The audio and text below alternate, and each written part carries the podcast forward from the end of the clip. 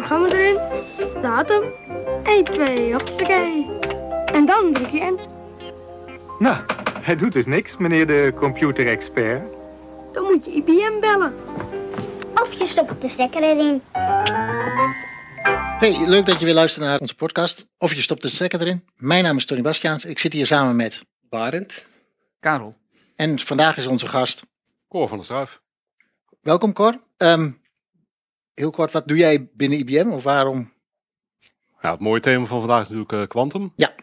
En ik ben een eh, Quantum ambassadeur. Dus ik mag uh, organisaties helpen om uh, quantum computing te adopteren en te kijken of het wat voor hen is. Oké, erg interessant. Wij komen allemaal nog uit de, de digitale tijd van de nullen en enen. quantum is iets anders. we hebben het al eens een keer de vorige podcast ook even over gehad. Over de Think-sessie waar onze Head of Research ook even kort quantum aan het stipte. Vonden we erg interessant. Dus hopelijk kun jij ons daar iets meer over vertellen van... Wat is, wat is quantum nou precies dan? Want het, we horen het heel veel, maar kun jij heel kort uitleggen wat het precies is? Ja, zelfs voor mij, hè, gewoon simpel eventjes down terugbrengen en daarna waar beginnen we? Nou, als je naar kijkt dan, uh, wat je daar net al aanstipte, zeg maar digitalisering. Dan probeer je dus alles in nullen en enen gewoon uh, te vervatten. Uh, maar als je nu gewoon naar de natuur kijkt, hoe natuurlijke processen gewoon werken. Op een heel laag niveau, op zeg maar jouw down-to-earth niveau, werkt het kwantummechanisch. Dus echt compleet anders. Dus dat is eigenlijk niet voor te stellen hoe de natuur zich daar gedraagt. Mooi daarvan is dat de natuur in die zin niet 0 of 1 kiest, maar eigenlijk ook alles wat er tussenin zit. En dat zou ik kunnen zeggen, in het werkelijke leven is dat eigenlijk ook zo. Het is bijna nooit op een vraag uh, waar je altijd gewoon of ja zegt of nee zegt. Of dat iets donker is of licht is uh, enzovoort.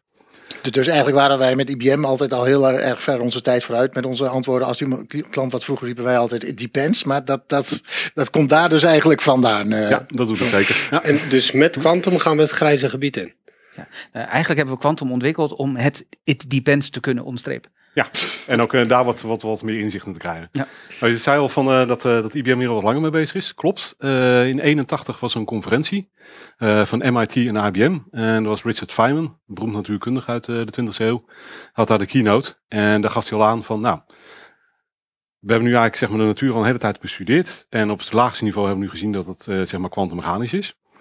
We zouden natuurlijk graag uh, de natuur beter willen begrijpen. Uh, is het dan nog niet goed om zeg maar, een quantumcomputer te bouwen? Of dan een computer die gebaseerd is op kwantummechanica? was in 81, uh, hebben we een aantal jaren over gedaan. Om precies te zijn tot 2016. En toen zijn we dus gewoon live gegaan met quantumcomputers via de cloud. Dus je kan nu ook gewoon zelf experimenteren ermee. Maar nog even ter terug naar het basisprincipe. Want ik, ja. ik ben, ze hebben mij altijd getraind, het is, het is 0 of het is 1. En als het geen 0 of 1 is, dan stuurden ze mij met een schroevendraaier erop uit om het te repareren. Uh, met die computers. Maar hoe, hoe werkt dat dan, die quantum computing? Want dat, dat zijn dan geen echte transistoren die nee. van... Nee, we gaan eigenlijk uh, echt op het laagste niveau gebruiken geen bits, maar quantumbits. Ook afgekort tot uh, qubits. En wat je daar aan terug ziet, daar heb je dus precisie kwantummechanische effecten in. Kan dus ook heel mooi controleren. En kan je bijvoorbeeld van die, uh, van die effecten gaan gebruiken. Je kan bijvoorbeeld uh, superpositie doen. Uh, dat je dus 0 en 1 tegelijkertijd hebt. Je kan bijvoorbeeld ook entanglement doen. Of mijn favoriete Nederlandse woord tegenwoordig, verstrengeling. het mooie is ook, dan heb je op een gegeven moment, nou is zo'n qubit in zo'n zo'n mooie staat. Hè? Dus dan is je bijvoorbeeld een superpositie en is entangled. Uiteindelijk, net als in een klassieke computer, moet je naar kijken, oftewel je output. En op dat moment uh, forceer je hem weer, die qubit, om zich klassiek te gedragen. Dus uiteindelijk zal er weer een 0 of een 1 uitkomen. Dus in die zin is het ook wel best wel een hele mooie combinatie tussen nou, zo'n hele wonderlijke wereld. In combinatie met zeg maar de klassieke wereld. Want uiteindelijk komt er weer 0 of 1 uit. En, en, en daarop op voortbedurend. Um, de natuur is grillig, zeggen wij altijd. Dat, dat, dat, dat is natuurlijk niet voor niks een uitspraak. Um, heb je dan wel elke keer dezelfde uitkomst als je dezelfde erin in, in stopt in zo'n kwantum? Nee. nee, niet. Nee, er zit gewoon een kans achter. En je hebt dus kans op een bepaalde uitkomst. En als je dus één keertje draait, uh, dan komt er een uitkomst uit. Dus uiteindelijk komt er weer 0 of 1 uit. Uh, maar als je hem dan nog een keertje draait, dan zou er bijvoorbeeld in plaats van een 0 zou er dus ook een 1 uit kunnen komen. Hangt natuurlijk van de, nou, hangt, hangt er vanaf, hè? Hangt van je berekening af. En wat je daar dus ook aan terugziet, dus dat je eigenlijk een kwantumprogramma ook vaak meerdere keren laat lopen. En dat je eigenlijk een distributie van uitkomsten krijgt. Oké, okay, dat, dat, dat, dat principe snap ik dan een beetje. Met, met nadruk op een beetje. Uh, in AI is tegenwoordig heel erg de discussie van, ja, wij, wij moeten weten wat, wat er uitkomt. Of we moeten weten wat er uitkomt. We willen wel elke keer hetzelfde uit, uit onze AI-modellen krijgen als we er iets in stoppen. Want ja, hoe, hoe, want dat moet te reproduceren zijn en het moet uit te leggen zijn aan mensen van waarom ze wel of geen hypotheek krijgen en dat soort dingen. Dat, en dat moet natuurlijk ook elke keer opnieuw op hetzelfde manier uitgerekend worden. Maar hoe, hoe, hoe doen ze dat? Ondervangen ze dat, of die discussie dan in, in de quantum computing? Nou, wat je dus eh, precies terugziet, eh er zijn dus berekeningen waar je kwantum dus wel voor in zou zetten. En er zijn ook berekeningen waar je kwantum niet voor in zou zetten. Eh, kijk dus bijvoorbeeld naar de bankaire sector. Ik zou hem dus niet inzetten voor eh, zeg maar het bijhouden van je saldo. Nou, dat mag bij die van mij wel hoor.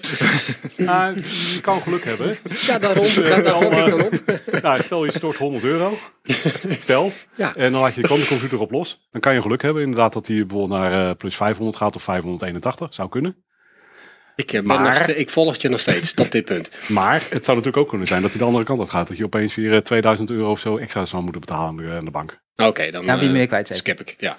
Nou, Maar als je bijvoorbeeld eh, zeg maar van die risicoanalyses gaat doen. Als van moet iemand wel of geen hypotheek krijgen. Uiteindelijk is het natuurlijk een binaire beslissing. Hè? Iemand krijgt een hypotheek of niet. Maar daarachter zitten natuurlijk allemaal kansprofielen.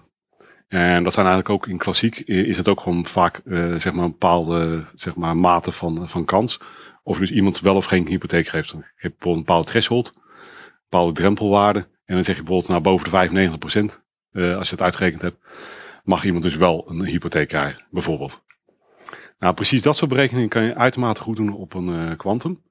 Want wat je daaraan terug zal zien is dat, eh, omdat je dus meerdere parameters gaat toevoegen, je gaat dus eh, zwaarder berekeningen doen, zo op een gegeven moment kan je het dus niet meer op een klassieke. Want dan heb je gewoon te veel mogelijkheden, te veel dingen die je moet uitrekenen. En dat kan gewoon klassiek niet. En zo'n kwantum, door zeg maar die mooie effecten van de superpositie en dergelijke, kan je dat juist dus wel. En uiteraard krijg je er weer een kans uit. Het mooie ook is dat we eigenlijk in de praktijk al zien dat dat een wisselwerking is tussen eh, aan de ene kant klassiek en aan de andere kant eh, kwantum. dus het eigenlijk nooit of eh, alleen maar klassiek of alleen maar kwantum in dit soort berekeningen. Het is eigenlijk al een combinatie. Dus, dus het wordt een, eigenlijk een nieuwe vorm van hybrid computing. Dat, Ja, dat ga- Precies. in gaan we lijn dan op een andere manier Ja. eh, toepassen. Mag ik daar even op inhaken? Want eh, je zegt een hybrid oplossing. Eh, we hebben Tony hier aan tafel zitten, die eh, werkt samen met Power. Ik eh, doe redelijk wat met IBM Z en Linux One. Werken die ook samen met Quantum of is het puur alleen x86? Nou, op den duur wel. En wat je natuurlijk terugziet is dat Quantum nog best wel in een researchfase zit. We zijn dus aan het onderzoeken waar ik kan toepassen. En dit soort modellen, dus dat ik Power toepas en een mainframe toepas en dergelijke, dat zou dus over de tijd gewoon steeds meer gaan zien. Zeker als je bijvoorbeeld naar mainframe kijkt, naar dat soort financiële transacties. Dan heb je bijvoorbeeld aan de ene kant je financiële transactie op mainframe. Zo'n Quantum, eh, met misschien ook nog een grote farm aan bijvoorbeeld Intel of, of Power-achtige processoren, zou je kunnen toepassen eh, van is daar dus fraude gepleegd of niet. Zie je dan in zo'n quantum omgeving waar nu x86 gekoppeld is, dat er eerst voorberekeningen gedaan worden in een x86 omgeving, dan wordt het gevoerd aan een quantum, die doet zijn berekeningen erop, zeg maar, en dan wordt het eigenlijk weer teruggegeven aan een omgeving. Is die interactie er op dit moment? Ja, nog niet zeg maar op de, de volle schaal die je graag zou willen om het in productie te doen. Zoals we zeggen, we zitten nog in een researchfase. Verwachting is wel dat over een paar jaar dat model gewoon ook in eh, productieprocessen zal gaan plaatsvinden. Op dit moment nog research, maar precies wat je zegt. Eerst voorbereiding klassiek. Dan laat je de kwantum het magische doen. Wat eruit komt, voeg je terug in een klassieke omgeving. Om te kijken of het antwoord wat je krijgt, of dat ook het antwoord is. Ja, en dan heb ik van quantum eh, wel eens begrepen dat het kan heel veel, ge- heel veel gegevens genereren. Ja. Dus ehm, verwacht je ook dat dat zometeen pro- tot problemen gaat leiden? Dus dat je quantum zeg maar zoveel gaat voeren dat eigenlijk de klassieke omgeving niet om kan gaan met de hoeveelheid data die er gegenereerd wordt. Nou, op den duur ga je dus terug weer naar klassieke. Mhm. Dus je hebt wel, zeg maar, die, eh, met die qubits heb je natuurlijk die, die, die kwantummechanische effecten. Op een gegeven moment, eh, wat eruit komt, is weer een klassiek, eh, ja, zeg maar een klassieke bit. Dus je gaat weer gewoon terug naar bits. Oké. En dan moet je dus wel in de gigantische hoeveelheid qubits gaan lopen, wil je dus ooit, zeg maar, in, in problemen gaan geraken. En ik zou nog graag dat meemaken. maar goed, dat is gewoon een voorspelling. Ja. Ja. Eh, En, en jij, jij hebt het over die aantallen van qubits. Is, is dat ook gewoon eh, twee, vier, zoals we dat eh, traditioneel kennen? Tellen we dat zo op? En, en, en waar zitten we nu? Want ik begrijp een beetje dat we nog in, in relatief kleinere aantallen qubits zitten te werken. En, en hoe, hoe moet- moeten we dat zien? Op de eerste plaats, als je kijkt naar het aantal qubits, eh, de kwaliteit ervan is nog niet zodanig eh, wat we graag zouden willen hebben. Je hebt nog eigenlijk best wel veel ruis erin zitten. En op dit moment zitten we op eh, 65. En we hebben 65 qubits. En wat roadmaps gepubliceerd, dat we zeg maar binnenkort eh, op 127 hopen te zitten, dan 433 en dan 1121. Mooie getallen. Ja. En ook een roadmap naar meer dan een miljoen toe. Wat je daaraan terugziet, is dat dat nog steeds eh, zeg maar qubits zijn die, die, die ruis hebben. En eh, als je hem aan de andere kant pakt, stel dat je qubit echt helemaal perfect zou zijn, dus geen ruis meer en dergelijke, dan zou het zo zijn dat als je hem eh, één qubit toevoegt, dat je dan dubbel zoveel capaciteit krijgt. En dat blijft zo. Dus eh, stel dat je van 100 naar 101 gaat, heb je dubbel zoveel capaciteit.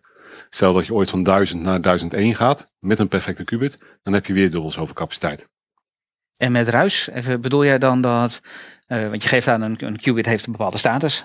Traditioneel de 0 en de 1, maar een qubit kan een 0 en 1 of, of eh, allebei zijn bij wijze van spreken. Eh, maar met ruis is dat dan dat we niet weten wat de status daarvan is? Of wat bedoel jij met ruis? Nou, dat je hem dus niet meer in een gecontroleerde staat hebt. Oké. Dus het wordt als je nu naar onze kwantumcomputers kijkt, die beginnen altijd in nul. Mhm. Altijd.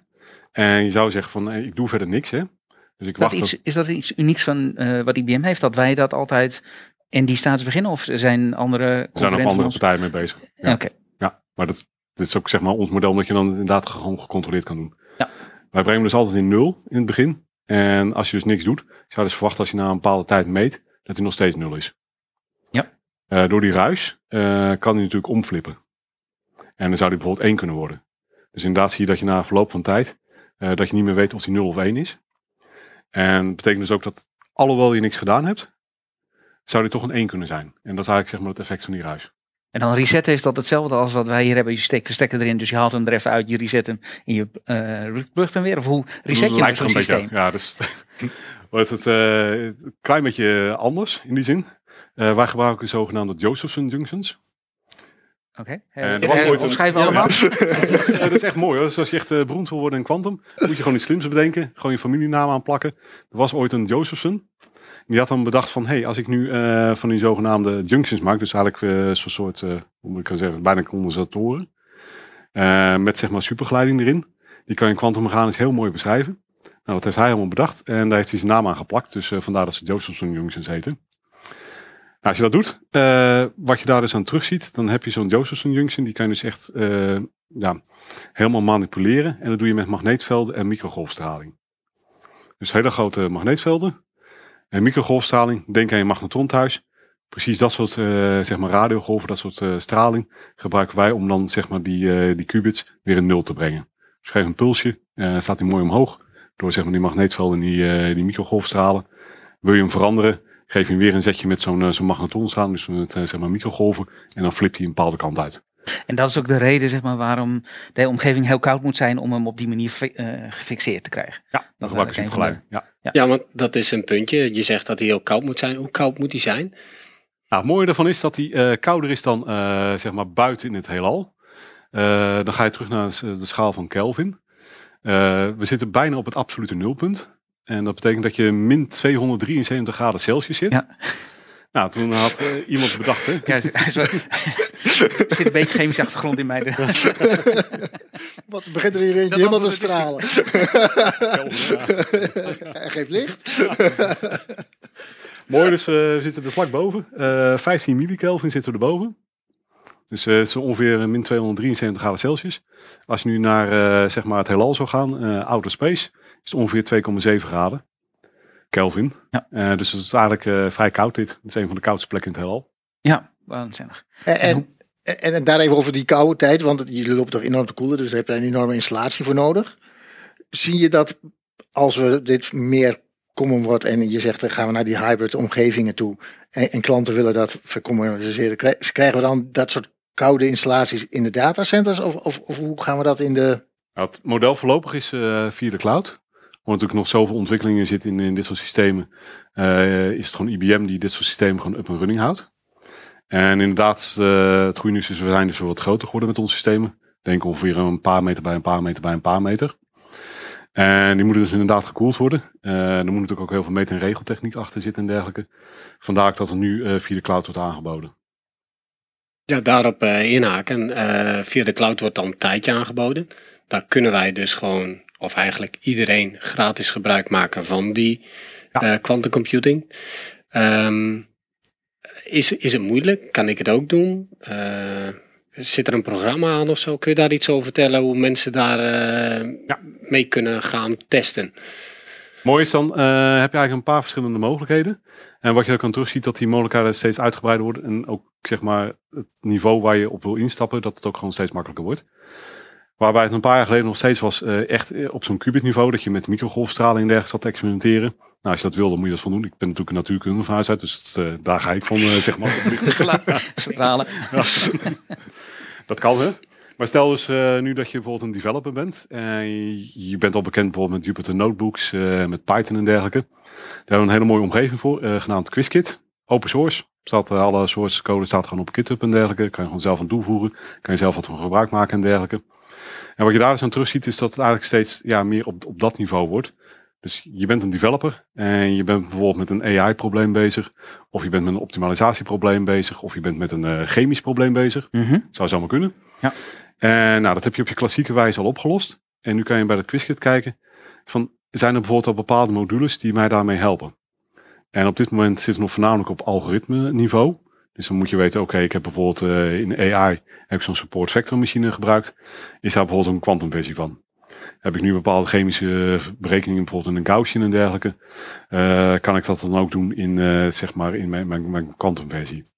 Op de duur, ook een mooie roadmap voor, is dat ook zeg maar meer de, de, de modelgeoriënteerde developers, en dat zal waarschijnlijk over een jaartje of twee gebeuren, dat die dan ook met dit soort omgevingen gewoon aan het werk kunnen.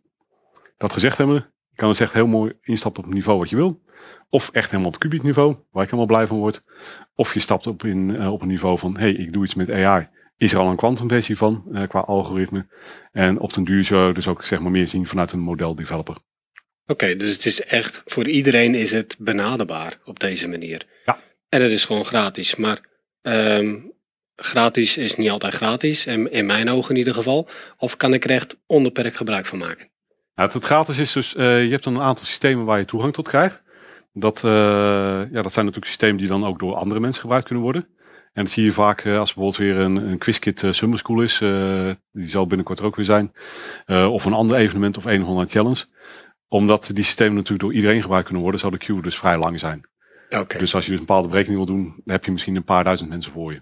oké. Oh, op die manier werkt. Je zet gewoon jouw berekening in de queue en je- op een gegeven moment kom jij eh, Kom je aan de beurt. aan de beurt. Ja, en dat kan soms wat langer duren. Eh, En dat is niet, niet zoals op traditionele wijze van we, we maken er allemaal slices, allemaal virtual machientjes van en iedereen krijgt een, een, een deel van, van die. Nee, dit is zeg maar de, de, de, de, de, de vrij toegankelijke zeg maar, omgeving. Daarnaast hebben we nog een heel partnernetwerk. En dat werkt eigenlijk meer met slices. Oké, En een partnernetwerk betekent dat jij echt een stukje kwantum krijgt. Of huurt, of koopt. Duurt. Ja, dus via Ja. cloud. Dus gewoon Ja. via een cloud model. Ja. Ja, en dan is echt voor jou en dan sta je waarschijnlijk wat minder in de queue. Ja. Of helemaal Dat niet. is gewoon gegarandeerd dat eh, zeg maar zoveel eh, percentage van de, de quantum eh, cycles voor jou beschikbaar zijn. Ik heb dan eigenlijk nog wel, ehm, als we kijken naar maatschappelijk verantwoord, kom je, eh, ja, hoe gebruiken wij computers tegenwoordig? We zien dat de, eh, ze natuurlijk heel veel stroom eh, nemen. Dit is geen uitzondering erop, vooral omdat je het heel erg gekoeld hebt. Ehm, maar als je dat dan vergelijkt met het traditionele, is daar een, eh, hebben ze wel eens een vergelijk getrokken? En hoeveel eh compute power en hoe versus stroom? En is quantum nou groener op dit moment? Of is het vooral, neemt het veel meer energie? En verwachten we dus in de toekomst dat het groener gaat worden? Nou, wat je dan terug ziet is dat, eh, omdat je natuurlijk moet koelen, daar gaat eigenlijk zeg maar de meeste stroom in zitten. Mhm. En als je dan naar kijkt, is het eigenlijk vergelijkbaar met eh, zeg maar supercomputers op dit moment. Het voordeel van quantum is dat als je dus meerdere qubits toevoegt, eh, en zolang het zeg maar in die omgeving past, hè, dus eh, in die, eh, die cryostaat, die, grote koelkast, zou je dus in die zin niet echt heel veel meer stroom nodig hebben. En stel als we inderdaad gewoon naar perfecte qubits gaan, en zoals gezegd, één keer een qubit toevoegen verdubbelt de capaciteit. Dan zou je dus ook zien dat het op den duur dus niet echt veel meer stroom gaat verbruiken. In een klassieke omgeving is het natuurlijk zo, ik heb één computer, ik wil dubbel zoveel rekenkracht. Ik heb een tweede computer nodig, tweede kost me twee keer zoveel stroom, twee keer Ja. zoveel power. Dus daar is eigenlijk ook quantum computer potentieel eh, Potentieel ja. Ja. ja. een voordeel voor eh, nou, eigenlijk de wereld bijna. Ja. Oh, grappig. oké. Ehm, dankjewel eh Cor, erg interessant. Ehm, enorm veel dingen om over na te denken. Zeker voor mij als eh, volgens mij de niet natuurkundige, niet bioloog en eh, dat soort dingen aan tafel. Maar echt als eh, de computer eh, nerd met, met de schroevendraaier is Ik wel... zeggen, eh, volgens mij mag jij hier niet met een schroevendraaier aankomen. Ik moet jou niet bellen als die niet op nul of op Dat kun je zo gauw doen, want je hebt dus die grote magneet. Hè? Dus dat eh, kan nog een interessante effect hebben als je daar met zo'n Ah, oké. Dus dat, dat, dat zie je hem zo doorheen vliegen van, oeps, sorry. Oké. Ehm, nou, dankjewel. Erg, erg interessant. En, en ja? Ik had eigenlijk nog van hier in Nederland zijn er. Wij- of zijn er bepaalde dingen die je mee hebt gemaakt in, de, in je periode dat jij tot nu toe met kwantum bezig geweest? Dat is nou een leuke anekdote. Die kan ik gebruiken. Ah, het, wordt het, eh, ja, wat- ik heb eigenlijk eh, een tijdje geleden toen het eh, nog zeg maar fysiek kon een sessie gedaan voor kinderen. Mhm. En er zat ook een tienjarig meisje tussen. En waar we het net al een beetje over hadden, nou Tony, het is precies goed dat je dat zegt. Ik begrijp niet helemaal, want dat moet je ook helemaal niet willen. Dat zei Richard Feynman ook al. Als je claimt dat je begrijpt, heb je het totaal niet begrepen. Dus hou die gedachte vast. Kijk, dan kom ik weer goed weg. Onder had zoiets van eh, dat, dat verstrengen, dat entanglement. Hoe werkt dat nou achter de schermen? Hoe werkt dat nou echt? Ja. Nou, daar heb ik een hele discussie mee gehad. Maar ja, op een gegeven moment eh, kan je alleen nog maar zeggen, ik weet het niet. Maar daar kwam ik ook niet meer weg. Ik zei, nou, aan de andere kant, eh, hoort het, je bent nog jong. Ik zou zeggen, eh, mooie wetenschappelijke carrière voor jou. Eh, nou, kijk maar of jij kan ontdekken wat er achter de schermen gebeurt met dat eh, verstrengelen van qubits. Ja. Of zeg maar de hele kwantummechanica. Ik zou zeggen, echt, eh, nou, wereldberoemdheid ligt aan je voeten dan als je dat voor elkaar krijgt. En vertel mij het ook graag. Want dat zou ik ook wel graag willen weten, hoe het nou echt achter de schermen werkt. Dus zo trek je misschien iemand, heb je op het pad gezet van, Ja. dit is jouw levenswerk. Ik hoop het wel, ja. Ja, als mijn zoontje dat van tien jaar aan mij zou vragen, dan zou ik gewoon hard wegrennen, denk ik. Maar dat... eh Doorsturen naar Cor, eh, hoor ik doorsturen naar goed. Nou, misschien kunnen ze samen optrekken. Ja, dat, ik zal het aan hem vragen. Eh Cor, dankjewel voor deze uitleg. Eh, ik snap dat er nog veel meer eh, van te vertellen valt. Dus misschien komen we nog een keer bij je terug als we weer wat verder zijn. Of weer mooie annonceringen zijn daarover. Eh, dank voor nu. Eh, allemaal eh, dank voor de inbreng Het hier. is een bijzonder interessante sessie om Ja, eh, zeker. zo te doen in, onder een bakje koffie. Helemaal goed. Dankjewel. Ehm dit was het einde. Wij trekken de stekker eruit. Eh, tot de volgende keer.